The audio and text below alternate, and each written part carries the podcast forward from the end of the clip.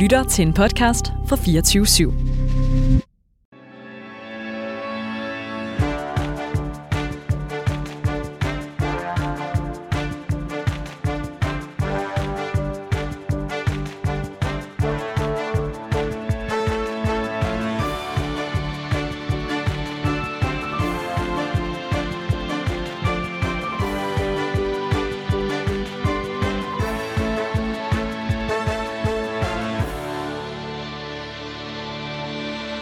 Velkommen til Danmarks mest ærlige debatprogram, Politik på onsdag. Her inviterer vi hver uge spændende gæster til politisk debat, uden spænd og fastlåste politiske positioner. Og hvis du havde forventet neutrale værter, så er det her ikke det rigtige sted at tune ind. Ja, for mit navn det er Anders Storgård. Jeg er tidligere landsmand for konservativ ungdom, og så er jeg konservativt kommunalbestyrelsesmedlem på Frederiksberg. Og mit navn er Sofie Libert. Jeg stiller op til Folketinget for SF, og så er jeg tidligere landsforkvinde for SF Ungdom. Og den næste time kommer vi til at vende ugens vigtigste politiske historier med skarpe gæster, og vi starter tid hos sig selv. Så Sofie, hvad har du lagt mærke til den her uge? Jamen, i går landede den meget omtalte udflytningsaftale om øh, udflytning af uddannelser endelig. Eller det vil sige, den landede den i den udmyndtede version. Øh, det har stået på længe. Der har været dem, der hed studenteroprøret øh, 2022, som ligesom med afsæt i den her aftale forsøgte at råbe politikerne op. Og vi har også talt om det i det her program. Jeg har brokket mig rigtig meget over dele af den her aftale, men jeg synes, det her er øh, en det er jo altid sådan med politik, at når flertallet vil, vil noget andet, end man selv vil, så øh, bliver målet bare at trække det i en bedre retning. Og jeg synes sgu, det er endt betydeligt bedre, end vi havde regnet med for bare ganske få uger siden. Sådan helt lavpraktisk er man endt med at skære øh, eller kræve udflytning af 6% af studiepladser i stedet for 10%, og man har faktisk gjort noget for at bevare nogle af de små uddannelser. Så jeg synes, det her er et godt eksempel på, hvor vigtigt det er at råbe højt, men også hvor vigtigt det er, at der sætter sig nogle mennesker i nogle forhandlingslokaler nogle gange, som ikke nødvendigvis er helt vildt enige i en hel aftale, fordi man faktisk har mulighed for at trække tingene i en retning. Det kan du have en pointe i, men jeg tror så også, at den her aftale, den på sigt vil blive kendt som en ret stor fiasko, fordi selvom det kun er 6%, man rykker ud, så tror jeg, at vi kommer til at opleve, at mange af de her uddannelser, øh, de kommer til at være uddannelser, der ikke kommer til at være nok, der, der søger ind på, at det her det er et klassisk eksempel på, at man fra politisk hånd gerne vil sende et signal og et symbol om, at se, vi tager udkantsområderne mere seriøst. Og det lægger man sådan en politik efter, hvor man så prøver at få virkeligheden til at passe ned i den kasse. Og, og det tror jeg, vi kommer til at sande om nogle år. Så øh, ja, jeg er da enig i, at øh, der er lagt godt arbejde i forhold til at minimere skaden, men skaden tror jeg stadigvæk kommer til at være der. Det tror jeg heller ikke, der er nogen tvivl om. Jeg synes grundlæggende, at ideen om, at bruge uddannelsespolitik til andet end uddannelse, er jeg meget stor modstander af. Jeg synes, det er dybt problematisk, når man, når især Socialdemokratiet vil bruge uddannelsespolitik til alt muligt andet. Altså for eksempel, som i det her tilfælde, til at lave landdistriktspolitik, til at lave politik, der handler om øh, at få flere unge til at øh, bo i bestemte områder. Hvorimod det er noget meget andet for mig, hvis deres intentioner rent faktisk virkede til at være at sikre alle unge adgang til en uddannelse. Så virker det her rigtig meget til at være en eller anden ambition om, øh, og, og sende nogle unge mennesker øh, ud i nogle bestemte områder af landet, som man synes flere unge mennesker burde bosætte sig i. Det er du ret i. Øh, jeg vil, så sige, jeg mener også, at der nogle gange har været sådan den, at man sådan har tænkt, okay, vi skal altid placere uddannelse i øh, de store byer, hvor der jo kan være situationer, for eksempel hvis du har en robotklynge, giver det enormt god mening at lægge en uddannelse, der har noget at gøre med robotteknologi i nærheden af den, fordi man ligesom har en sammenhæng mellem det, der foregår rent lokalt, og den uddannelse. Og, og det er helt åben over for, at man selvfølgelig skal bruge langt flere kræfter på at tænke kreativt på, nu, end man har gjort tidligere. Men, men jeg, er, jeg er helt enig med dig. Altså, det, det er den der, den der idé om, at vi kan, vi kan stoppe en bevægelse, der er foregået i tusindvis år mod større byer, øh, ved at lægge, øh, eller tvinge nogle folk til at læse, lære i en anden by. Det har jeg meget svært ved at se i praksis ske. Og jeg synes netop også, det er den pointe, du kommer med her, den relevante pointe, at hvis man, altså for eksempel det der med at lægge en dyrlægeuddannelse i Forlum, det kan godt give mening. Altså det kan, det kan der godt være nogle pointer i, som handler om, jamen her har vi nogen, der arbejder med det her. Her, her kan det uddannelsesmæssigt give mening at lægge uddannelsen. Men mit problem bliver nemlig rigtig meget, når uddannelsespolitik bliver et middel i stedet for et mål. Altså målet er ikke at sikre de bedst mulige uddannelser, nej. Målet er pludselig at sikre øh, spredning ud over hele landet, eller altså... Øh, man kan jo nærmest høre på nogle af de kommuner, der har stået til at få uddannelser, at de bliver helt mopset nu, hvor de får mindre. Øh, og det synes jeg er et godt eksempel på. Det her er ved en fejl blevet til uddannelsespolitik er blevet til et middel i stedet for et mål. Om lidt, der får vi gæster i studiet, men inden de kommer herind, der kunne jeg godt tænke mig at høre, hvad du har lagt mærke til den seneste uge, Anders. Jeg har lagt mærke til, at der er landet en aftale i Københavns Kommune øh, om deres fremtidige øko- økonomi. Og ikke fordi den aftale i sig selv er særlig interessant, men fordi at man i den aftale så siger man, at man gerne vil være øh, klimapositiv i 2035. Det er Sofie Hestorp Andersen, den nye borgmester for Socialdemokratiet øh, i København, været ude og turnere med nu, at det er, nu er det det store mål. Er det fordi, jeg så er imod, at man skal være øh, klimapositiv i 2035? Nej, det synes jeg er fantastisk. Det er nej, det jeg er imod, det er, at selv samme parti og selv samme, øh, hvad, hvad man siger, borgmesterparti, de turnerede frem hele vejen til her nu til øh, for nylig, frem med, at man skulle være øh, CO2-neutral i 2025. Og det var man så ude og så sige, det kommer vi ikke til at nå. Så nu har vi så i stedet for opfundet et endnu længere pejlemærke i 2035, vi så siger, der vil vi ikke bare være CO2-neutrale, der vil, der vil vi være CO2 positiv. Altså, at man øh, gavner, gavner CO2-regnskabet positivt, ikke negativt. Altså, det... Jeg synes bare, der er en rigtig uheldig tendens til, at frem for rent faktisk at trække i arbejdstøjet og tage de beslutninger, der er svære, der er hårde og som kræver politiske prioriteringer, så sætter man nogle øh, mål, der er så langt ude, at man sætter på, at der skal man ikke længere selv stå til ansvar for vælgerne. Jamen, jeg, jeg er egentlig meget enig med dig. Jeg tror, også, jeg tror, jeg har en frustration i klimapolitikken, som generelt handler om de her målsætninger, og generelt handler om lige nu især Socialdemokratiet, men jeg tror, jeg bilder mig igen, det er en socialdemokratisk holdning. Jeg bilder mig ind, det er en magtpolitisk holdning. Altså det er dem, der sidder på magten. Det er bare i staten Socialdemokratiet og i, i Københavns Kommune også Socialdemokratiet. Øh, men, men at man rigtig tit kom... Altså, jeg hører rigtig tit socialdemokrater være sådan, når man brokker sig over, at klimapolitikken ikke er ambitiøs, så de sådan, vi har de mest ambitiøse mål i hele verden, eller sådan, hvor man er sådan, ja, men hvem, altså, der er jo ikke nogen, der nogensinde har nået... Altså, jeg kan da også godt have et mål om at have læst hele pensum, inden jeg skal til eksamen på mandag, men hvis ikke det sker, så er det jo lige meget, om det var min målsætning at gøre. Altså, det, det bliver sådan en... Det er sådan en... Øh, jamen en enormt øh, sådan tidsoptimistisk måde at føre politik på, men også en måde, som bare virkelig ikke anerkender, at, altså, at det er helt vildt lige meget, hvilke mål du sætter, hvis ikke du faktisk sætter ind på at nå dem. Og på en eller anden måde, så er der jo en fin kobling der mellem den, øh, det forslag, du ligesom tog med, øh, og den sag, jeg har taget med her, som jo er det her grundlæggende problem for mig at se. Vi ser, at dansk politik i dag, det er, det er holdt helt op med at handle om fakta, om de ting, man rent faktisk vil gøre. Det handler i stedet for om symboler og om at sende signaler om, at man gerne vil et eller andet. Signaler om, at man gerne vil øh, gøre noget for udkants Danmark. Signaler om, at man gerne vil gøre noget for klimaet og meget, meget lidt om rent faktisk at gøre noget for klimaet, og rent faktisk at gøre noget for udkants Danmark.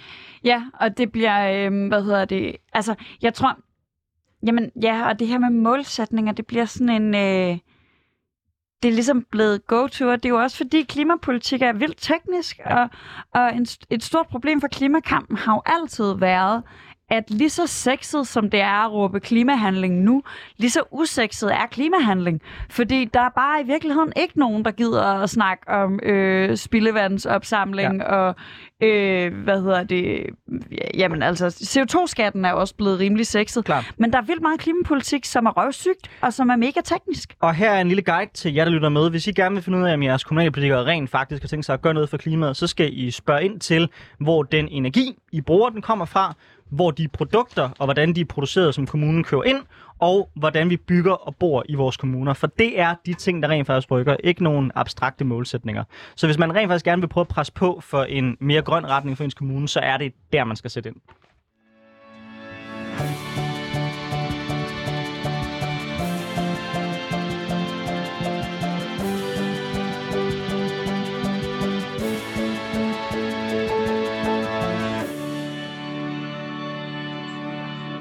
Så har vi fået gæster i studiet, øh, og inden vi byder velkommen til dem, så vil jeg lige fortælle jer lyttere, at de selvfølgelig har mulighed for at deltage i debatten. De har I ved at downloade 24-7-appen. Øh, herinde kan I finde programmet Politik på en onsdag, og så har I mulighed for at skrive i chatten, hvis I har nogle spørgsmål til vores gæster, eller har øh, et emne, som I godt kunne tænke os, at vi tog op en anden gang. Og nu skal vi også byde velkommen til vores gæster her i studiet, for vi har fået besøg af to fantastiske debattører. Jeg vil starte med at byde dig velkommen her i, her i studiet, øh, Jarl Henel. Øh, jeg håber, jeg udtalte dit navn korrekt. Øh, du er fra den sikkerhedspolitiske forening Youth Atlantic Treaty Association Danmark. Også kendt som bare Jata, og det tror jeg, jeg vil bruge fremadrettet, fordi det er sgu lidt mere mundret end det andet navn. Velkommen til. Jo, tak Vi spørger altid folk ind, øh, hvad der sådan har fyldt noget i den uge, der er gået.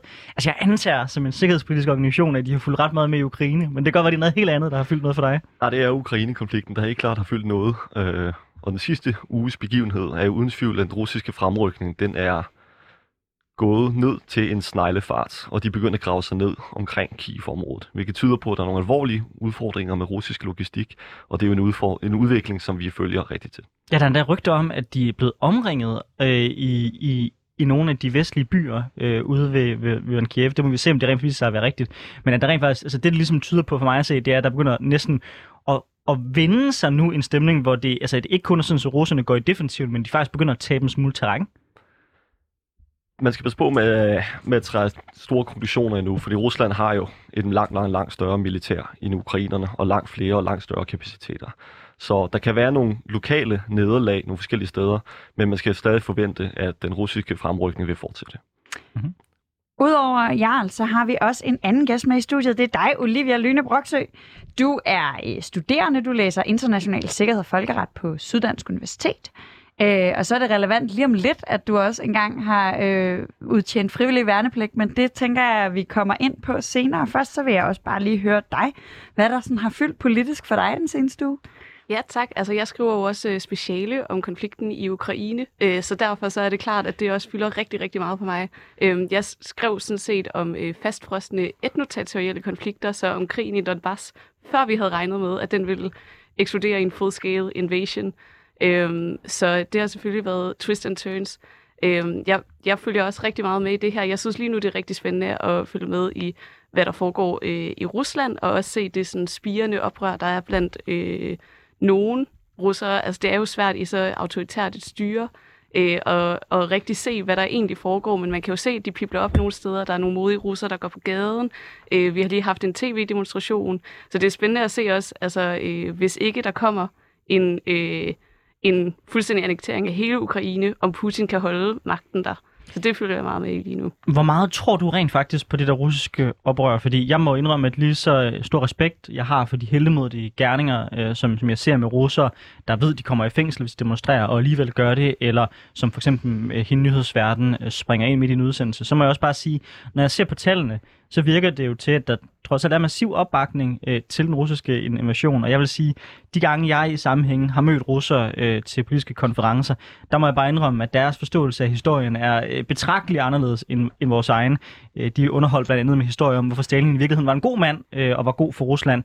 Så skal vi ikke passe lidt på med at tage vores vestlige verdenssyn og så øh, håbe og tro for meget på, at, at russerne på en eller anden måde ender med at købe ind på den præmis? Jo helt sikkert, men forskellen er bare, at tidligere der har vi slet ikke set noget opgør med Putin. Altså der har slet ikke været nogen, der er gået på gaden. Og bare det, at der er nogen, der gør det nu, det, det synes jeg alligevel er sådan en udvikling, som er værd at, øh, at sådan, i hvert fald notere sig. Og det kan man jo også bare sige, at det, den russiske økonomi kommer, den er allerede helt ude at sejle. Den kommer til at være... Øh, være endnu mere ude at sejle, og man ved jo, at øh, hvis folk er sultne, så er det det, der kan øh, også lede til noget oprør. Så det er ikke for at sige, at, at vi står over for en ny russisk revolution, og selv hvis vi gør, så øh, kan man jo godt frygte, hvad vi så får i stedet for, ikke? fordi det kunne sagtens bare være en Putin 2.0. Om jeg idé, i det, det til dels er jeg i det. Øh, der har været mange demonstrationer de sidste års løb, og de her er faktisk mindre, end de plejer at være, til betragtning af, at politiet kan løfte den opgave i Moskva, og de ikke indrykker øh, militære styrker eller hæren for at løse det problem. Jeg tror, at der var ikke mange, der er ikke mange diktatorer gennem historien, ja, historikerne er nødt til at smide, der er ikke mange diktatorer gennem historien, der har vundet magten, eller beholdt magten, efter at have tabt en krig. Så hvis Ukraine-konflikten vil have lange, øh, langvarige konsekvenser for styret, eller kan rykke styrets øh, stabilitetsgrundlag, så er der en fare for, at Putin i sidste ende kan falde på det. Og det er i virkeligheden ikke den største fare, der er. Øh, netop at Putin ved, at hans største farerisiko, det er, at han taber krigen. Altså, jeg ved ikke, om hvordan øh, I har det, men, men jeg er da i hvert fald bekymret for, hvad kan han finde på at gøre i forhold til at eskalere konflikten yderligere, øh, hvis, han, hvis han føler, som det ser ud nu, at han står til at tabe krigen det er da absolut dybt bekymrende, hvad, hvad han kan finde på at gøre. Jeg tænker også, at han er fuldstændig utilregnelig, øh, Putin. Man kan også sige, at altså, der er også andre, der så argumenterer for, jeg var lige til øh, et rigtig godt foredrag med Flemming Spilsbro Hansen i går, øh, som også siger, at sådan, der er faktisk noget rationale mm. øh, bag den måde, øh, Putin tænker på. Ikke? Så derfor kan vi heller ikke sige, at han er fuldstændig en, en lunatic, men hans rationale er også bare, at de skal koste, hvad det vil, vinde den her krig. Ikke? Øh, og derfor så er der, der absolut grund til at øh, frygte for, hvilken udvikling vi kommer til at se. Jeg synes, derfor fik jeg lige været galt i halsen. Jeg synes, det er meget interessant det her. Vi har snakket om det øh, flere gange før i programmet, at at det her er en meget uterrenelig krig, og jeg bliver sådan lidt nysgerrig, når man læser, øh, altså jeg plejer jo at sige, at du læser krig, Olivia, fordi jeg glemmer, hvad det er, øh, din uddannelse faktisk hedder, men når man sådan beskæftiger sig, beskæftiger sig enormt akademisk med krig, og har meget sådan en, jamen nu ser vi på, hvad er krigens love, hvordan mm. agerer folk, hvordan, hvilke rationelle og irrationelle, hvordan er det så at følge med i sådan en krig som den her, som alle jeg har hørt der ved noget om det, siger, at vi, altså, den, det bedste eksempel er jo, at Peter Viggo Jacobsen, som nok er den flest lyttere har hørt om før udtalelser om krig, var sådan, det kommer ikke til at ske, det her, det er irrationelt for Putin. Og mange netop, der ved ting om det her, har sådan en oplevelse af, at det her er totalt kaotisk forløb. Hvordan er det, når man er vant til at, at beskæftige sig meget akademisk med krig, og så følge med i det her sådan live, skulle jeg til at sige? Jamen det er jo, altså nu er vi jo en ungdomsgeneration, som bare gennemlever øh, verdensomvæltende begivenheder på, øh, på omgang. Ikke? Og jeg har, altså, jeg har Peter Vigo som forelæser, og jeg har lagt mig totalt op af den linje der, at, øh, at der kommer, altså, det ville være fuldstændig ulogisk at gå ind. Øh, så det er, jo, øh, det er jo klart, man har, man har jo nærmest lyst til at, øh, når man beskæftiger sig med øh, krig rent akademisk, så har man også den fordel, at man ofte beskæftiger sig med det øh, historisk. Altså der er ofte et forløb, som er relativt afsluttet, øh, og derfor så kan man altid sige sådan, når så skete det, så skete det, så skete det, og så har vi en konklusion herover. Og lige nu der udvikler det sig jo bare altså fuldstændig øh, vanvittigt, og man havde også regnet med, da de gik ind, at det ville, altså det, ville være mere eller mindre en snuptagsløsning, men som jeg også hørte, måske var det faktisk Peter Viggo, der også sagde det, at, øh, at øh, krig også er en, øh, altså det er jo også en krig på logistik, og selvom det godt være, at Rusland har et meget større militær, end, øh, end Ukraine har, så kan vi jo se, at deres logistik har været fuldstændig forfejlet. Og øh, de har også det her styre med Putin på toppen, hvor der ikke er noget, potentielt er der ikke nogen, der siger ham imod. Der er ikke nogen, der har lyst til at give ham mm. de dårlige nyheder om, hvordan det rent faktisk går. Og fordi han ikke får de dårlige nyheder og de dårlige efterretninger, så gør det også, at han bare han kører bare videre. Øh, så, så det er klart også, øh, altså, det, det, er helt, det, det er helt vanvittigt at, at følge med i, at det har været klart dårligt for mit speciale, fordi jeg bare sidder ved refreshet nyheder, som, øh, som altså, ikke har været akademiske artikler i hvert fald. Altså jeg mener klart, Putin er rationel, og jeg mener, at det har været ret åbenlyst ret længe, at det har været det her, han ligesom har kastet ud i. Mm. Og så må jeg også bare sige, altså jeg begriber ikke, hvorfor Peter Viggo han bliver brugt hele tiden. Øh, fordi jeg kan snart ikke huske, at den mand har haft ret i noget som helst. altså han er meget bombastisk og god til at formulere sig, og kommer med nogle rimelig skråsikre analyser på alt, som han, som han gør. Men jeg må bare sige, altså han sagde, at Putin ikke vil invadere.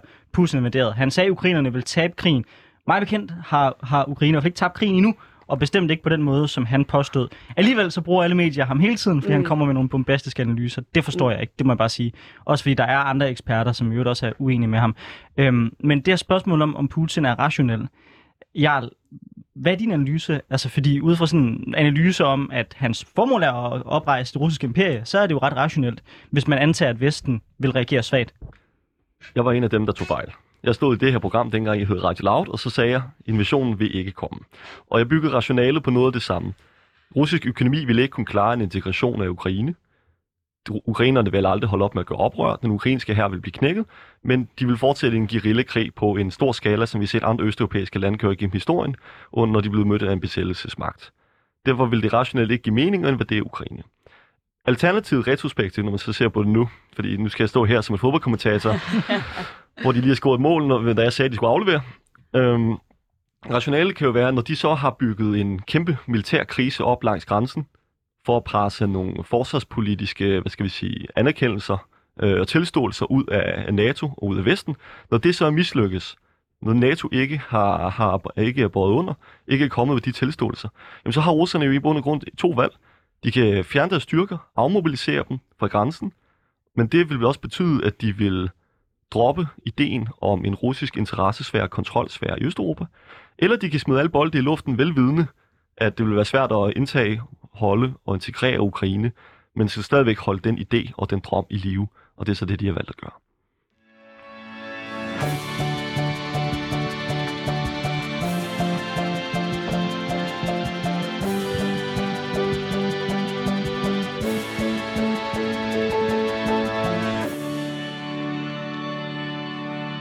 Du lytter til Politik på en onsdag med Anders Storgård og Sofie Libert. Vi har i dag besøg af Olivia Lyne Broksø, der er tidligere frivillig værnepligtig og studerende på international sikkerhed og folkeret på SDU. Og så har vi også Jarl Arthur Hengel fra den sikkerhedspolitiske forening Youth Atlantic Treaty Association i Danmark. Og det tror jeg sidste gang, vi siger det hele. Fremover siger vi JATA. Siden 1848, der har Danmark i forskellige former haft en værnepligt for mænd. Det betyder, at alle raske danske mænd mellem 18 og 60 år kan tvinges ikke kun til militærtjeneste, men også tjeneste i for eksempel Beredskabsstyrelsen. I øh, 2021, øh, der var 99,9 procent af alle værnepligtige frivillige. Og 27 procent af dem var kvinder. For selvom værnepligten kun er for mænd, så kan kvinder melde sig frivilligt og aftjene værneret. Med den stigende trussel fra Rusland, så er der øh, nogen, der mener, at det, der er brug for flere værnepligtige, og at værnepligten også bør gælde for kvinder. Så har vi brug for flere kvinder i forsvaret, og skal de tvinges til trøjen på samme vis som mænd, hvis Danmark får brug for flere soldater. Eller er værnepligten efterhånden outdated, principielt urimelig eller formålsløs i højteknologisk krig? Olivia Lyne Broksø, du er selv tidligere værnepligtig og meldte dig frivilligt. Øh, du mener også, at der er brug for flere kvinder i det danske forsvar. Mener du også, at værnepligten bør gælde for kvinder? Jeg mener sådan set, at værnepligten bør afskaffes. Øh, som du selv lige nævnte, så har vi 99,9 procent frivillige, og som der også står på Forsvarets øh, hjemmeside, så er der rift om pladserne. øh, så derfor så tænker jeg ikke umiddelbart, at det er nødvendigt at have øh, værnepligt for nogen køn. Øh, men i tilfælde af, at vi har værnepligt, så mener jeg selvfølgelig, at den skal gælde for alle køn.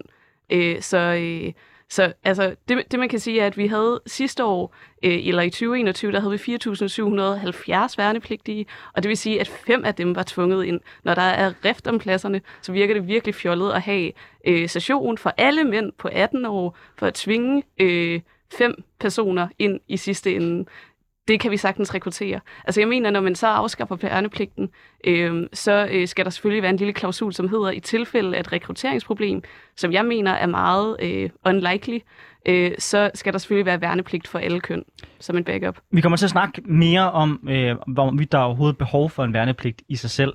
Øh, men hele det her spørgsmål, om der er brug for, hvad kan man sige, øh, flere kvindelige værnepligtige, altså om den også skal gælde for kvinder, så som jeg hører dig, så er du egentlig principielt imod, at vi har den i dag, men hvis vi skal have den, for eksempel i en særlig krigssituation, hvor der er behov for at indkalde folk, så er det vigtigt for dig, at det gælder for alle. Bestemt, og der er brug for flere kvinder øh, i øh, det danske forsvar. Øh, og det er sådan set ikke noget, øh, noget, som jeg bare står og siger. Det er noget, som alting viser. Øh, alt, hvad vi har også af resolutioner. Øh, fra 2000, der har vi haft resolution 1325, som handler om øh, kvinder, øh, fred og sikkerhed. Og den siger meget klart, at vi skal have kvinder med ved bordet, både når vi sidder i forhandlingsrummet, men vi skal faktisk også have kvinder med i felten. Fordi kvinder er med til, øh, for det første har de en anden, øh, en anden åben tilgang til øh, civilbefolkningen, en anden adgang til dem. Øh, de er også, der er også nogen, der stoler mere på dem. De er bedre konfliktmalere. Mænd, der arbejder tættere sammen med kvinder, de er også bedre konfliktmalere. Så det kommer til at være helt vildt godt, hvis vi skal sikre en varig fred, at vi har flere kvinder i forsvaret. Og det er faktisk ikke, altså det er heller ikke noget, som kommer til at være nyt, øh, fordi der er faktisk handleplaner øh, på området også fra Udenrigsministeriet, Forsvarsministeriet og Justitsministeriet, der har det sammen. Og der vil jeg gerne lige læse noget højt, som faktisk står i 2020-handleplanen, øh, hvor de selv siger, at samtidig vil vi også arbejde for at sikre, at andelen af danske kvinder, der deltager i det internationale arbejde med fred og sikkerhed, øges. Det skulle blandt andet gøres gennem en målrettet indsats for at øge rekruttering og fastholdelse af kvinder i både forsvaret og Rigspolitiet. Øhm, og så kan man så sige, at det har stået totalt fejl. Altså, der har lige været en undersøgelse af de foregående handleplaner. Der har været handleplaner siden 2005, og den øh, øh, evaluering, man lavede i 2019, siger, at vi har lavet en masse tiltag på det her. Vi har prøvet at implementere det siden 2005. Det har slået fejl. Fordi det kan godt være, at der er 27 procent kvindelige værnepligtige, men så snart du kommer øh, videre i fastholdelse og sådan noget, så øh, rammer vi 10 procent, når vi snakker konstabelniveau, og kun 6 procent på sergeantniveau, og så 8 procent eller sådan noget på øh, officersniveau. Så det kan godt være, at der er 27 procent værnepligtige, men de bliver ikke, og det er et stort problem. Jarl, da jeg var 18 år, der kan jeg huske, øh, at jeg modtog sådan en øh, reklame fra forsvaret. Alle mine mandlige venner, de modtog sådan en, nu skal du til session, og alle synes, det var fjollet, fordi vi vidste alle sammen godt, at man trækker et stort nummer. Men det skal vi nok snakke mere om. Jeg er mere interesseret i, at vi lige starter med den reklame, jeg har modtaget. Fordi øh, det er ikke nogen hemmelighed, det overbevist i hvert fald ikke mig, men er det en, mener du, det er en vigtig prioritering for forsvaret måske at gøre mere for at overbevise netop kvinder om, fordi mændene melder sig tydeligvis selv, øh, men kvinderne gør måske ikke i lige så høj grad. Er det et vigtig opgave for forsvaret at få flere kvinder ind? Det er en vigtig opgave for forsvaret at rekruttere kvinder, og forsvaret har i de sidste mange år haft en meget, meget, meget intens rekrutteringskampagne målrettet kvinder. Mm. Jeg tror ikke, du kan se en, en rekrutteringsreklame i fjernsynet for forsvaret, eller en plakat for forsvaret, som ikke har en kvinde på forsiden. Og i nogle tilfælde, så vil der også være en, øh, en person ved siden af hende, af en anden etnisk herkomst end dansk, som oftest en, der er fra Mellemøsten eller Afrika. Så det er altså noget, som Forsvarets personalestyrelse og Forsvaret har kørt meget hårdt og meget målrettet de sidste mange år. Og det er det sig selv ikke så meget galt i. Men jeg læste en undersøgelse fra 2013, hvor at man havde undersøgt, lavet exit-interviews med kvindelige vandpligtige, der gik ud, der havde forladt vandpligten. Og rigtig, noget, der scorede rigtig højt som årsag, det var forkerte forventninger til, hvad forsvaret vil indebære. Og det er der, hvor man skal måske passe på, at mere reklame vil ikke nødvendigvis være en god løsning, hvis det billede, man tegner af forsvaret, ikke vil være det, som de kvinder bliver blive mødt med, når de så kommer ind. Ej, fordi hvis man kigger på de reklamer, så føler jeg meget, at det er noget med at løbe i en skov. Øh, og der, der kan man måske godt overveje, om de reklamer, de, de løber lidt meget i en skov. Øh, men, men Det er jo også det, værnepligtige gør langt hen ad Værnepligtige vejen. løber bare i skov. altså, nå, men øh, Olivia, som jeg hører dig, så får vi et bedre forsvar, hvis der er flere kvinder. Vi får i hvert fald et øh, forsvar, som kommer til at... Altså, forsvarets formål er jo at sikre fred og ikke at skabe krig. Så har jeg et spørgsmål til dig. Vi taler nogle gange om øh, øh, sådan kvoter for bestyrelser. Øh, skulle vi i virkeligheden vende værnepligten om, og så sige, øh, vi har tydeligvis øh, for mange mænd, der gerne vil være i forsvaret, vi mangler kvinder. Skal vi indføre en værnepligt for kvinder? Altså afskaffe den for mænd. Ja, så hive nogle flere kvinder ind på den måde. Det ville da være spændende. Jeg synes, at det er en øh, fin situation at afprøve det i. Øhm, nej, det synes, jeg ikke, jeg, det synes jeg ikke, vi skal gøre igen. Jeg synes, vi skal afskaffe den øh, for alle køn, fordi vi har nok frivillige. Og jeg tror, det er rigtigt nok, altså øh, det med sådan forventninger til, hvad, hvad forsvaret vil være. Jeg tror sådan set også, at øh, det er ikke reklamerne, der skal laves om. Det er, hvad forsvaret er. Jeg mener, der skal være en grundlæggende kulturændring i forsvaret. Fordi der er et stort problem med øh, øh, sexisme og homofobi særligt. Garanteret også et stort problem med øh, racisme, og det kan vi bare se for de kvinder, der har været udsendte, øh, og også de kvinder, der er i forsvaret, at der er en enorm sådan machokultur, og det er klart, det føler man sig hverken, hverken, hverken særlig set eller respekteret i, så det skal laves om. Og så også bare sådan nogle, øh, altså nogle helt standard ting, sådan, øh, forventninger til, hvad, hvad det vil være, men også bare, du er en anomalitet, når du er kvinde i forsvaret, og det starter også på sådan nogle helt små øh, punkter, som er for eksempel øh, hjelmstørrelser, Øh, fordi når man kommer ind som kvinde, så har de simpelthen ikke hjelme, der er små nok til at passe til kvinder. Så jeg har sådan en klar minde om at sidde med alle de andre kvindelige værnepligtige, vi var otte eller sådan noget i min deling, øh, og sidde og stoppe dem ud med sådan noget skum, de der hjelme, fordi de simpelthen var for store til at passe til dit hoved. Og når du allerede der får at vide, at du er faktisk en anormalitet her, du passer ikke rigtigt ind, så er det klart, så tænker man ikke, at, øh, at det nødvendigvis er noget, man kan fortsætte i. Inden vi går videre til snakken om, om vi skal afskaffe værnepligten, så kunne jeg bare tænke mig helt kort, for det tror jeg slet ikke, vi fik spurgt dig om, Jarl. Mener du, at vi skal øh, ophæve den her kønnede del? Hvis vi skal have en værnepligt, skal den så være både for kvinder og mænd? For mig, eller jeg er ikke passioneret omkring området, men ja, vandepligten kunne sagtens udvise til også at omfatte kvinder. Det vil selvfølgelig kræve en grundlovsændring og nogle behandlinger i Folketinget, det er en længerevarende proces. Og for dem, der gerne vil være meget passioneret omkring det og kæmpe for den, så kan de gøre det. Jeg vil gerne se fodbold i weekenden, men øh, det må overlades til, til dem. Men i min optik, ja, de kan sagtens udvides til også at omfatte kvinder.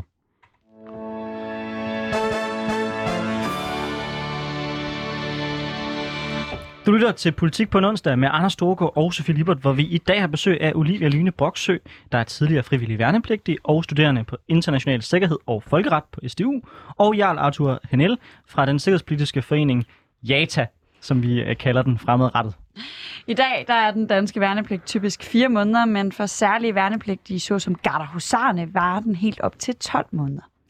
Det er en markant kortere værnepligt, end det historisk set har været tilfældet. Tidligere der var værnepligten for eksempel helt op til 18 måneder under den kolde krig i 1969, men er løbende blevet skåret ned. Senest i 2004 var værnepligten blevet skåret ned fra 9 til 4 måneder. Men giver det overhovedet mening at give almindelige danske unge våbentræning i en moderne krig med droner, tanks og cyberkrig? Er værnepligten tidsvarende, eller skal vi prioritere vores midler på professionelle soldater? Jarl Henel, bør værnepligten spille en militær rolle i 2022, eller er den outdated? Den skal helt klart fortsætte med at spille en rolle. Vandepligten er det største grundlag for rekruttering for forsvaret. Det er der, hvor vi trækker omkring halvdelen af alle vores, øh, eller alle vores konstabler øh, fra. Der skal man have vandpligtsuddannelse til. Så det er helt klart noget, der skal fortsætte med at spille en rolle. Derudover så er det også med til at øh, give befolkningen, den brede befolkning, en form for militær grunduddannelse, i tilfælde af, der sker et eller andet uden udbestemt fremtid. Vi lever, som Putin jo lige har bevist, stadigvæk i en tid, hvor vi ikke bevæger os frem mod øh, den endeløse demokratisering af verden, endeløs øh, kapitalisme i alle lande, og den store frihed kommer til at sprede sig. Nej, vi ligger også stadigvæk i en foranderlig verden, der kan udvikle sig. Og derfor er der stadig behov for, at vi har et godt bredt rekrutteringsgrundlag for forsvaret, og en masse våbenfører mænd og kvinder. Som Olivia var inde på tidligere, så er der jo i dag øh, nok frivillige til, at, at vi faktisk nærmest ikke tvinger nogen ind. Mener du, det er vigtigt, at vi bliver ved med at afholde session for samtlige øh, danske mænd, når vi kan se, at der er øh, rigeligt, der melder sig? Ja, det gør jeg faktisk. I disse tider er der jo rigeligt med frivillige. Men hvis der går kommer en lang periode med fred, hvor der ikke sker noget i verden, hvor man ikke kan komme på eventyr, jamen så har vi jo blandt andet set gennem historien, at så falder antallet af folk, der melder sig. Men der var der stadigvæk behov for forsvar. Der var der stadigvæk behov for en bred rekrutteringsgrundlag.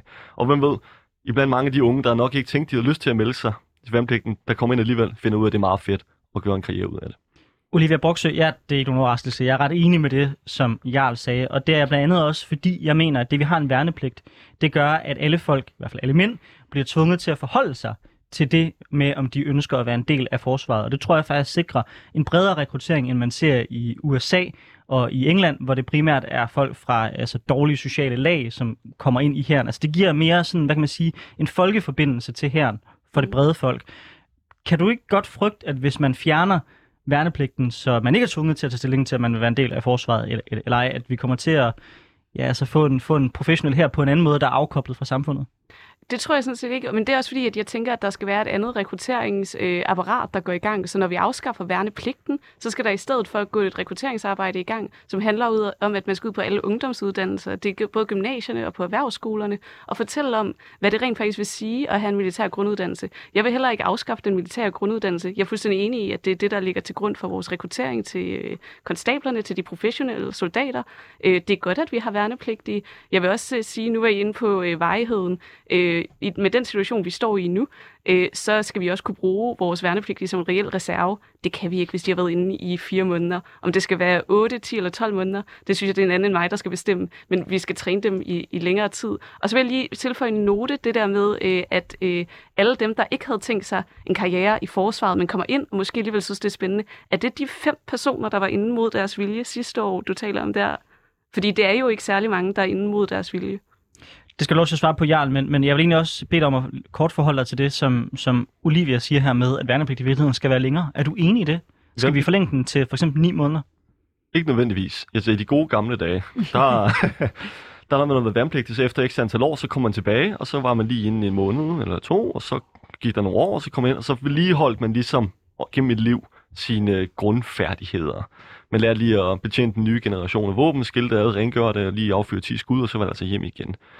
Så nej, jeg mener, at fire måneder kan sagtens være udmærket. Selvfølgelig, man får mere ud af det, hvis man fordobler det til 8 eller til to år, som det også har været i øh, rigtig, rigtig længe siden. Øhm, men det handler om vedligeholdelse, og det handler om rekruttering. Og jeg vil sige, endnu vigtigere end rekruttering er også fastholdelse, for det er jo der, hvor de reelle problemer er i forsvaret.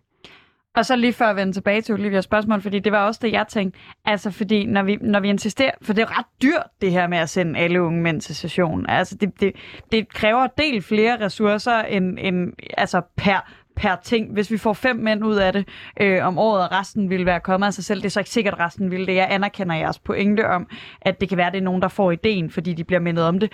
Men man kunne nok lave noget rekrutteringsarbejde, der var betydeligt billigere. Er det virkelig så vigtigt, at de her fem mænd, som måske ikke havde tænkt, de skulle i militæret, kommer ind og opdager det, fordi det er jo næppe dem alle fem. Der er næppe 100% succesrate i folk, der bliver i militæret. Så, så er det ikke en, et meget stort maskineri at have i gang for meget få mennesker, ja det var ikke hovedvægten i mit argument, der skulle lægges på det sidste, som snarere var en appellation til noget patos, snarere end det skulle være det, der var grundlag for en samlet diskussion. Men det er vigtigt med rekrutteringsgrundlaget. Det er det, vi skal holde fast i. Der er selvfølgelig nogle enkelte, der vil gå videre. Der er mange, der vil gå tilbage i det civile liv, men rigtig mange bliver konstabler bagefter. Olivia, tror du, at vi kan lave det rekrutteringsarbejde? Altså, kan, kan vi lave et rekrutteringsarbejde, der virker? Hvordan kan vi det? Fordi du siger ud på ungdomsuddannelsen, jeg husker lidt min gymnasietid som værende rigtig mange mennesker, der ville mig noget, og rigtig mange mennesker, der ville fortælle unge mennesker, at det her er det fede liv efter gym, og man gad ikke noget af det. Altså, man ville bare på højskole. Mm. Øh, kan vi, altså, kan det her faktisk lykkes på en Altså- anden måde uden værnepligten? Altså det tror jeg, fordi det er jo som sagt, er der rift om pladserne. Altså jeg var jo, øh, jeg var jo sådan set privilegeret at komme ind direkte efter gymnasiet. Jeg kender flere, der har været nødt til at vente i lang tid. Så der er så stor rift om pladserne på nuværende tidspunkt, at jeg tror ikke, det kommer til at være et problem. Jeg synes stadig, det skal være muligt at komme ud på en forsvarets dag. Den skal ikke være tvungen. Du skal ikke blive hentet af militærpolitiet i tilfælde af, at du ikke dukker op. Altså det er der ikke nogen grund til. Det er virkelig spild af ressourcer. Øh, jeg tror, at altså, lad os give folk en mulighed for at smage på det. Og så tror jeg, at det her med fastholdelse, igen, øh, min pointe om kvinderne, man kan jo se, at dem vi ikke holder fast i, det er i hvert fald kvinderne. Og det er ikke fordi, at jeg ikke også var udsat for en øh, vil du ikke nok please blive øh, kampagne, da jeg var inde. Øh, den virker ikke, fordi dem, der fortalte mig det, det var mænd. Man møder ikke nogen kvinder der, og man møder ikke nogen sergeanter der, du møder ikke nogen officerer der, du har brug for at møde nogen, du kan spejle dig i. Men Olivia, altså i lande, der ikke har værnepligten, for eksempel USA, Mm. for eksempel UK, altså der er der også en kæmpe overvægt af mænd. Mm. Der er så også oven i det en kæmpe overvægt, som jeg også nævnte tidligere, af folk fra øh, dårligere sociale lag. Altså sådan, Mm. hvad får dig til at tro, at hvis Danmark laver en væveindsats, der ikke er, vær- der ikke er værnepligt, at vi, skal, at vi har større succes med at rekruttere et bredere udsnit, end man har i lande, der har altså årtiers erfaring med at prøve at rekruttere folk på andre måder. Mm. Jeg tror, at altså, vi skal passe på med at øh, sammenligne os med det amerikanske øh, militær, fordi de har en fuldstændig anden kultur omkring deres forsvar i USA, som også er sådan tendenserende til noget, der er rimelig vanvittigt. Så det synes jeg overhovedet ikke, at vi skal øh, se hen imod. Derimod så tror jeg, at når du ikke bliver en øh, anormalitet som kvinde, altså hvis vi bare starter der, det er den, den letteste måde at gøre befolkningen op på, hvis vi skal dele den op i noget binært, det er mænd og kvinder. Øh, hvis du ikke er en anomalitet, som du er lige nu, når du kommer ind og skal, øh, er som udgangspunkt uegnet, mænd er som udgangspunkt egnet, du er som udgangspunkt uegnet som kvinde. Jeg tror, vi kommer til at rekruttere mange flere kvinder, hvis det er på samme, øh, hvis det er på samme sådan, øh, skala, som, eller på samme øh, måde, som man rekrutterer mænd.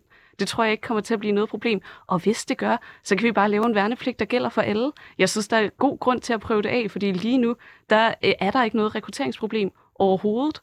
99,9 procent. Du kunne sagtens have flyttet, flyttet den sidste 0,1 procent ud. Ja, og jeg- jeg ved godt, Jarl, at det, du har ret i, at vi skal ud i noget grundlov, og det bliver langt, og det bliver bøvlet, men, men er, hvad, altså, er det ikke værd at, at, at give det et forsøg? Det Olivia snakker om, værd at prøve at sige, jamen vi har et problem med, at, at meget få kvinder kommer ind. En af årsagerne er nok, at vi bliver øh, meget lidt eksponeret for det, udover øh, billeder af kvinder, der løber i skove og breve i min postkasse, hvorimod mænd i langt højere grad bliver mødt af rekruttering. Er der ikke en pointe i, at sige, jamen nu prøver vi nogle andre metoder, nu prøver vi at droppe den der værnepligt til mænd, og så til gengæld have et seriøst rekrutteringsarbejde, der stiler mod alle vil sige, en grundlovsændring skal ikke sættes lige med et forsøg. Den er lige at, at, at, at stramme den øh, ret meget. Men igen, som jeg også sagde i starten, jeg har intet imod, at der kommer en grundlovsændring. Jeg har intet imod, at der kommer værnepligt for både mænd og kvinder, så længe der stadig er en værnepligt. Det, det vil jeg gerne lige indskyde noget til, fordi det er faktisk meget sjovt. Øh, I forhold til en grundlovsændring, øh, det at indføre værnepligt for kvinder, øh, det er faktisk ikke nødvendigt med en grundlovsændring der. Det er noget, Folketinget kan vedtage ved lov. Øh, der, hvor vi skal have en folkeafstemning, det er, hvis der skal afskaffes en værnepligt. Og der vil jeg bare sige til Mette, hvis du er derude, vi skal alligevel til stemmeurnerne til juni, øh, så der kan, man lige så, øh, der kan man lige så godt tage den med i svinget der.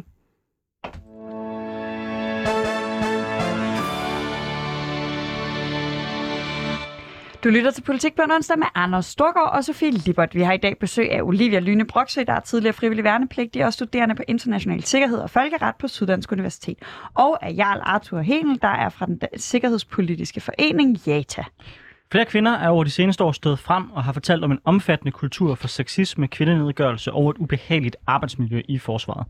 Hvis forsvaret skal udvides, så er det måske derfor på tide at diskutere, hvordan forsvaret kan gøres mere attraktivt for kvinder. Olivia Broksø, du skriver på Instagram, at vi skal have et totalopgør med sexisme, homofobi og racisme i forsvaret. Og nu ved jeg godt, det er et lidt polemisk spørgsmål, men mener du, at det danske forsvar i dag er sexistisk, homofobisk og racistisk? Jeg mener, at der er en kultur, hvor det i hvert fald bliver accepteret. Øh, det, som, øh, som jeg også oplevede, nu er det, nu skal vi også være ærlige og sige, at det er et par år siden, at jeg var værnepligtig. øh, men det, jeg også oplevede, var, at, øh, at øh, for eksempel ordet bøsse blev brugt nedgørende. Så hvis du for eksempel var lidt langsom til øh, at øh, få skilt dit gevær ad, så var det sådan lidt bøsset. Og det skal vi ikke, sådan noget, det skal, ikke, det skal, vi, det skal overhovedet ikke ske. Og så er der bare også en masse sådan, den måde, man også taler øh, om kvinder i forsvaret. Sange, der bliver sunget om sådan, ja, grimme ting, hvad man vil gøre ved kaptajnens datter og sådan noget. Altså alt sådan noget der, det skal, det skal ud. Det skal ud, fordi det er ikke særlig fagnende, og det gør, at der er nogle bestemte typer mennesker, øh, minoriteter, kvinder, øh, som ikke har lyst til at være en del af det. Og hvis vi gerne vil fastholde dem, og det vil vi gerne, og det bør vi gøre, så bliver vi nødt til at gøre, lave totalopgør med det der, og det kommer til at kræve enormt meget arbejde. For vi skal også tænke på de officerer øh, og sergeanter, som er med til at sætte en retning for den her bevægelse. De er jo vokset op i den der kultur. Det er jo en skoling, som de har været igennem de sidste 20 år, eller et eller andet, hvor man har accepteret det, så det kommer til at kræve et enormt opgør. Jarl, øh, er, der, er, der, er der sådan en sådan kultur i det danske forsvar, der, der minder lidt, lidt mere om et øh, herreomklædningsrum end en arbejdsplads? Kultur er sådan en mærkelig, mærkelig, mærkelig betegnelse. Hver kan jo sige, der er en kultur om et eller andet. Øh, hvornår er noget enkeltstående observationer af nogle øh, frygtelige ord eller frygtelige sange, og hvornår er det et tegn på øh, en, et noget større, et større systemisk øh, ja, kultur i, i forsvaret? Ja, Forsvaret er i sidste ende mænd og maskiner, eller mennesker og maskiner. Der er også nogle kvinder iblandt dem. Så ja, der er ofte et omklædningsrums jargon derinde. Det er måske lidt svært at undgå, når man har de øh, hvad skal vi sige, arbejdsforhold, som man har derinde, når man ligger i skoven i et ah, hul i jorden. Ah, det, det, det, der er vel ikke nogen naturlov, der hedder at fordi jeg har gevær i hånden, så skal jeg nej, tale nej, grimt om øh, folks nej, nej, nej. døtre, jeg tænker jeg. siger heller ikke, det er en god ting, at man, siger, øh, at man bruger racisme eller sexisme eller noget som helst lignende. Det skal man man også afholde sig fra. Selvfølgelig skal man det. Men hvad er en kultur? Hvornår er noget nogle enkeltstående observationer af noget, altså at man kan, der er nogen, der siger noget grimt i omklædningsrum, og hvornår er det øh, et symbol på, hvad forsvaret er? Den sammenhæng kan jeg ikke se. Nej, men jeg tror heller ikke, jeg, jeg, jeg, og jeg forstår godt, at, du, at man ikke har lyst til, det tror jeg heller ikke, nu sagde du selv, at det var polemisk, når du spurgte Olivia, jeg tænker heller ikke, Olivia har lyst til at gå ud og sige, at forsvaret er sexistisk nødvendigvis, hun ryster på hovedet, mens jeg siger det. Øhm, men, jeg, men, men jeg bliver også lidt, hvis vi er oppe på, at det faktisk er hver fjerde i, øh, vi er alligevel oppe på, at hver fjerde værnepligtig er kvinde nu, øhm, jeg synes det, jeg, jeg kender masser af rum, hvor man er presset. Jeg kender masser af situationer, hvor jeg er presset. Jeg kender også forskellige reaktioner i de her. Der er nogle steder, hvor de grimme ord, man siger, det er øh, øh, fucking lort. Og nogle steder, hvor de grimme, det er godt, det er sådan en ungdomsradio, hvor man godt må sige sådan nogle ting i radioen. Øh, og så er der nogle steder, øh, hvor de grimme ord, man siger, det er klamme bøsse. Øh, Øh, og det gør en afgørende forskel på, om det er et rum, som øh, i det her konkrete tilfælde homoseksuel har lyst til at være i. Der er også steder, hvor man siger, det er kræftet med øh, noget kællinge noget, det her. Det er også et strælsrum at være kvinde i. Og mit indtryk er også, at rum, hvor der traditionelt har været mange mænd, hvilket forsvar er, ofte ender i de her grøfter, hvor det bliver meget kønnet, det bliver meget Øh, og det er derfor meget sandsynligt, jeg har aldrig været i forsvaret, men derfor meget sandsynligt, at forsvaret er et af de steder, der kunne have brug for at tage et opgør med ikke, i virkeligheden ikke den hårde tone, men hvilke ord det er, man bruger, når det er den hårde tone. For jeg synes det er okay, man bliver presset og banner nogle gange. Jeg banner meget, men jeg banner aldrig sexistisk, jeg banner aldrig homofobisk, og jeg banner aldrig racistisk. Fordi det ved jeg går ud over, skaber mindre plads til folk omkring mig. Så kan, der ikke, kan Olivia ikke have en pointe i, at hvis de her 27 procent af kvinder skal føle sig tilpas, så er det faktisk vigtigt, at vi går ud og tager en snak om, jamen helt lavpraktisk, hvad er det for nogle bandeord, vi bruger? Hvad er det for nogle slagsange, vi synger, når vi har, jeg ved ikke, om man drikker bare i militæret, men i hvert fald, når man sidder om, mål, om bålet, og, jeg, ved ikke, jeg ved ikke noget om militæret, ah, men du forstår, hvad jeg mener, Jarl. Altså, har hun ikke en pointe? Jamen selvfølgelig. Man skal, som hvilken som helst anden arbejdsplads, skal den være inkluderende, og der skal være plads til alle, og man skal kunne tale pænt til hinanden. For den gode tone skaber nogle gode arbejdsvilkår. Men jeg vil gerne stadig høre mere om det med kulturen, og så vil jeg også gerne høre mere om, hvordan man gør op med kulturen. Fordi er det grundlæggende opdragelse hjemmefra, at man taler pænt til hinanden, eller skal forsvaret ansætte 2.000 pædagoger til at holde styr på de 9.500 øh, mænd i trøjen ikke? og piger i trøjen? Man kunne vel starte med at give øh, officerer, der netop udtrykker sig på den måde, som skaber et ubehageligt miljø, øh, advarsler, hvis de fortsætter, så fyre dem. Altså det er vel en måde at ændre en kultur på, ligesom signalere fra ledelseslaget, at, øh, at, at man altså bliver afskedet, hvis ikke man kan finde ud af at opføre sig ordentligt for eksempel. Olivia, hvordan tænker du, vi får et opgør med den her kultur? Altså, der, der, er, der er simpelthen så mange. Jeg har, øh, øh, jeg, jeg, øh, de kan bare ringe, hvis øh, de vil have en, en ordentlig feministisk skoling, fordi det er det, der skal til. Og det er på alle lag. Altså en ting er de værnepligtige, det er godt nok rekrutteringsgrundlaget, men hvis det de møder fra starten af er øh, en absolut nul-tolerance om at tale sexistisk, homofobisk øh, eller racistisk sådan set, øh, så, så er det klart, at så, så kommer de ikke til at være en del af det, de forbinder med militæret, og så kommer de også selv til at ændre jargon. Øh, så skal vi op på alle, alle lagene. Det, altså, jeg synes simpelthen, man skal sætte alle ledere i forsvaret i skole. Fortæl dem om, hvad er det, det har for konsekvenser? Hvorfor er det, vi gerne vil have flere kvinder ind? Øh, hvad er det, der kan afholde dem fra at blive? Det er blandt andet den her kultur. Og når jeg siger kultur, så siger jeg, at det her, det, nu talte jeg lige lidt om øh, nogle egne erfaringer, jeg havde gjort mig, men man kan også bare se på alle undersøgelser, der har været. Der var også blandt andet en stor øh, for kvindelige veteraner i Berlingske for et par år siden, hvor der også blev udtrykt, altså øh, for voldtægtskultur, altså fordi at det er ting, der sker. Når man sige, at der er et bredt grundlag af folk, der oplever de her ting, så er der tale om en kultur. Og det er en kultur, som er nødvendig at ændre, og det er noget, som øh, forsvaret skal tage alvorligt. Altså nu er der blevet lavet de her handleplaner, og hvis de hver gang, de skal evaluere dem, siger, der er faktisk ikke sket rigtig noget, så skal man begynde at tænke nyt. Og det synes jeg til at starte med, øh, send dem alle sammen i skole. Ha' nul-tolerance. Hvis du bryder den her, så er det en fyring. Øh, ja. Jarl Hinel, jeg antager, at øh, du ikke sådan er tilhænger af, at øh, forsvaret skal sådan feministisk skoles, men hele projektet om ligesom at signalere ordenhed og nul-tolerance over for den form for opførsel, som der bliver nævnt her. Er du enig i den?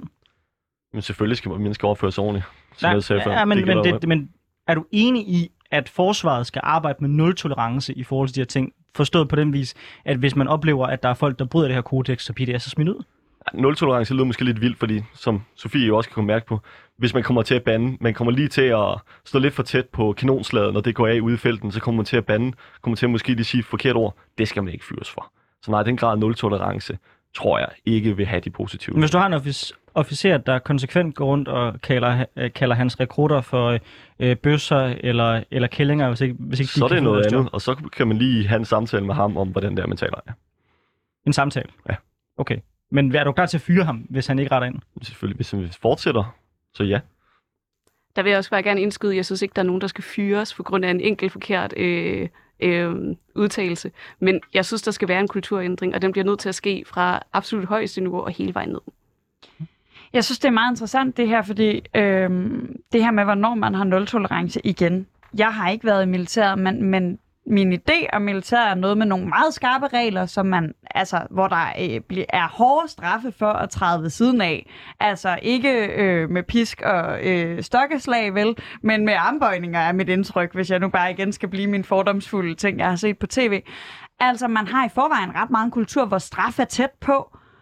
Kan man ikke indarbejde det over for øh, køns øh, nedladende sange over lejrbålet-agtigt? Altså, kan det ikke være, hvis ikke vi er klar til at fyre folk, kan vi så ikke indarbejde den straf, vi bruger, når de øh, træder for siden af, eller når de øh, hænger med skuldrene, eller hvad vi ellers straffer dem for allerede i dag? Jeg tror, 20 armbøjninger for sexistiske udtalelser er måske lidt billigt sluppet, selv efter min standard. Klar, Men, klart, klart for billigt. øh, jeg, tror, jeg, jeg tror, jeg glemte dit spørgsmål lidt i... Men, men hvad, hvad skal straffen så være, hvis ikke det er 20 armbøjninger, men det heller ikke er en fyr Så skal det behandles på samme måde, som det gør til alle mulige andre hvad hedder det, arbejdspladser. Selvfølgelig samtale, dialog, tale med dem. Der er allerede i forvejen, der er krænkelsesblanketter og kønskrænkende adfærdsblanketter, man kan udfylde, når man har været udsat for noget, som så bliver taget højere op i systemet, hvor det så bliver undersøgt derfra.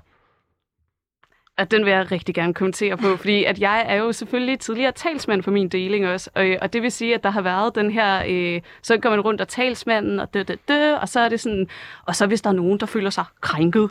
Øh, så der er ligesom Og sådan Olivia laver gåseøjne i Ja. radioen. Ja, gåsøjne i radioen, så kan man ligesom gå til talsmanden med det, og der er de her blanketter og sådan noget. Og det er også bare en måde, hvor man bare ved, at sådan, der er ikke, øh, der er ikke særlig øh, mange, der kommer øh, med det her, fordi det bliver ikke rigtig taget alvorligt. Det er noget, de har indført, fordi de godt ved, at man skal arbejde på det. Og selvfølgelig, hvis der er en voldtægtssag, og det var der heldigvis ikke i min deling, så er jeg sikker på, at det er noget, der vil blive gået videre med. Men hvis man bare synes, at det er lidt træls, at der bliver sagt killing hele tiden, fordi man faktisk er en kvinde, og man ved, at det er en selv, det bliver brugt om i en eller anden grad, så, øh, øh, så er det ikke noget, der bliver øh, udfyldt i de her krænkelsesblanketter, øh, blanketter, som de har. Så, så vi bliver nødt til at lave en, en skoling rundt om det der, fordi altså, de overordnede, jeg havde, de synes også, at det var lidt sådan, åh, skal vi, sådan, skal vi tale om det? Og så er faktisk den, der tog det alvorligt, da jeg sagde, hold op med at sige bøsse. Han blev så efterfølgende øh, dømt efter øh, listepik-paragrafen, øh, den der tilsnigelse til samleje. Og det var ham, der rent faktisk tog det alvorligt. Øh, så, altså sådan, så hvad er det der, altså, hvem er det? Vi skal have en kulturændring her. Det er ikke nok at have sådan nogle blanketter. De bliver ikke brugt, ikke medmindre det er absolut alvorligt. Det ved jeg ikke, hvordan jeg skal respondere på det der, øh, for at være helt ærlig. Øh, nej, øh, jeg tror, jeg, jeg havde lidt svært ved lige at sådan 100% forstå sammenhængen mellem det. Nå, nå. Anyhow, lad os prøve at flytte fokuset over på øh, det mere generelle spørgsmål, der hedder, kan vi gøre forsvaret mere attraktivt for kvinder på en anden måde, øh, end øh, de ting, vi allerede har nævnt? Altså, jeg foreslog jo så tvungen værnepligt for en kvinder. Det oplevede jeg, det var ikke lige frem øh, det, der Jo, var altså hellere øh, øh, tvungen værnepligt, øh, værnepligt for alle køn, end, end, øh, end værnepligt bare for mænd. Klart. Har du andre forslag? Altså udover at afskaffe den helt, eller ligestille den. Udover selve værnepligten, og udover hele det her spørgsmål om arbejdsmiljø, er der andre måder, hvorpå vi kan gøre forsvaret mere attraktivt for kvinder?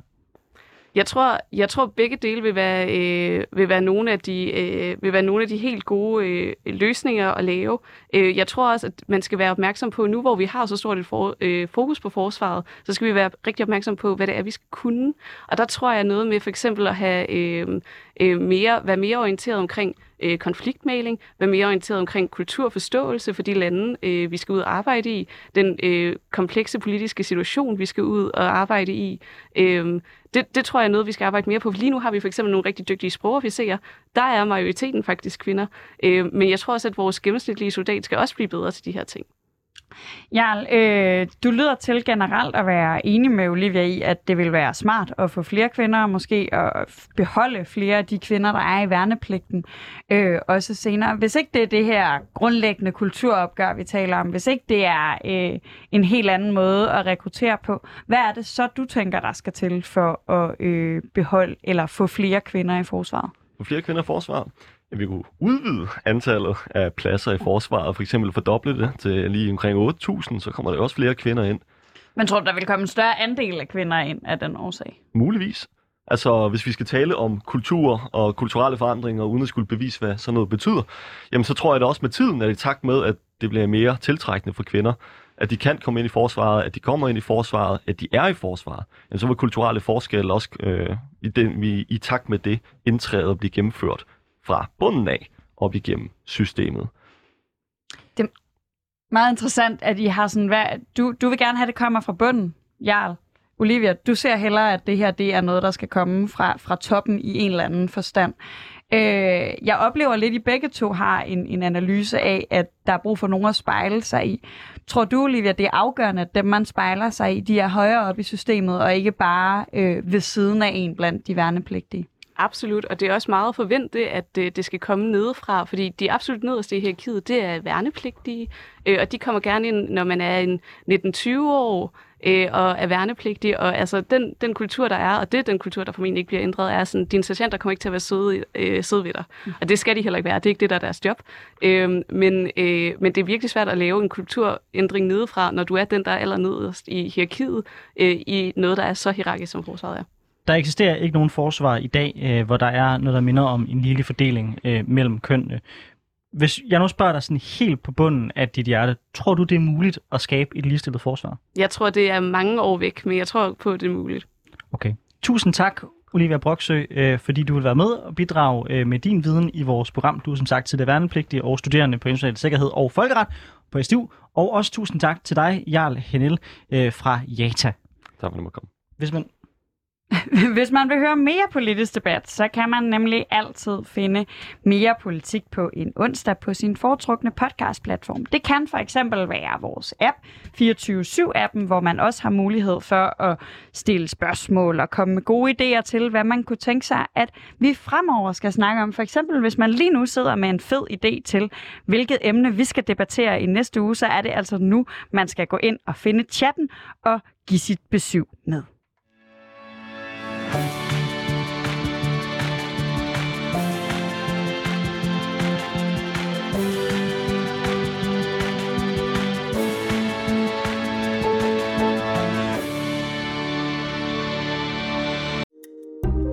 Kære lytter, du har lyttet til et program fra 24 /7. Du kan finde meget mere modig, nysgerrig og magtkritisk taleradio på 24 7 appen Hent den i App Store og Google Play.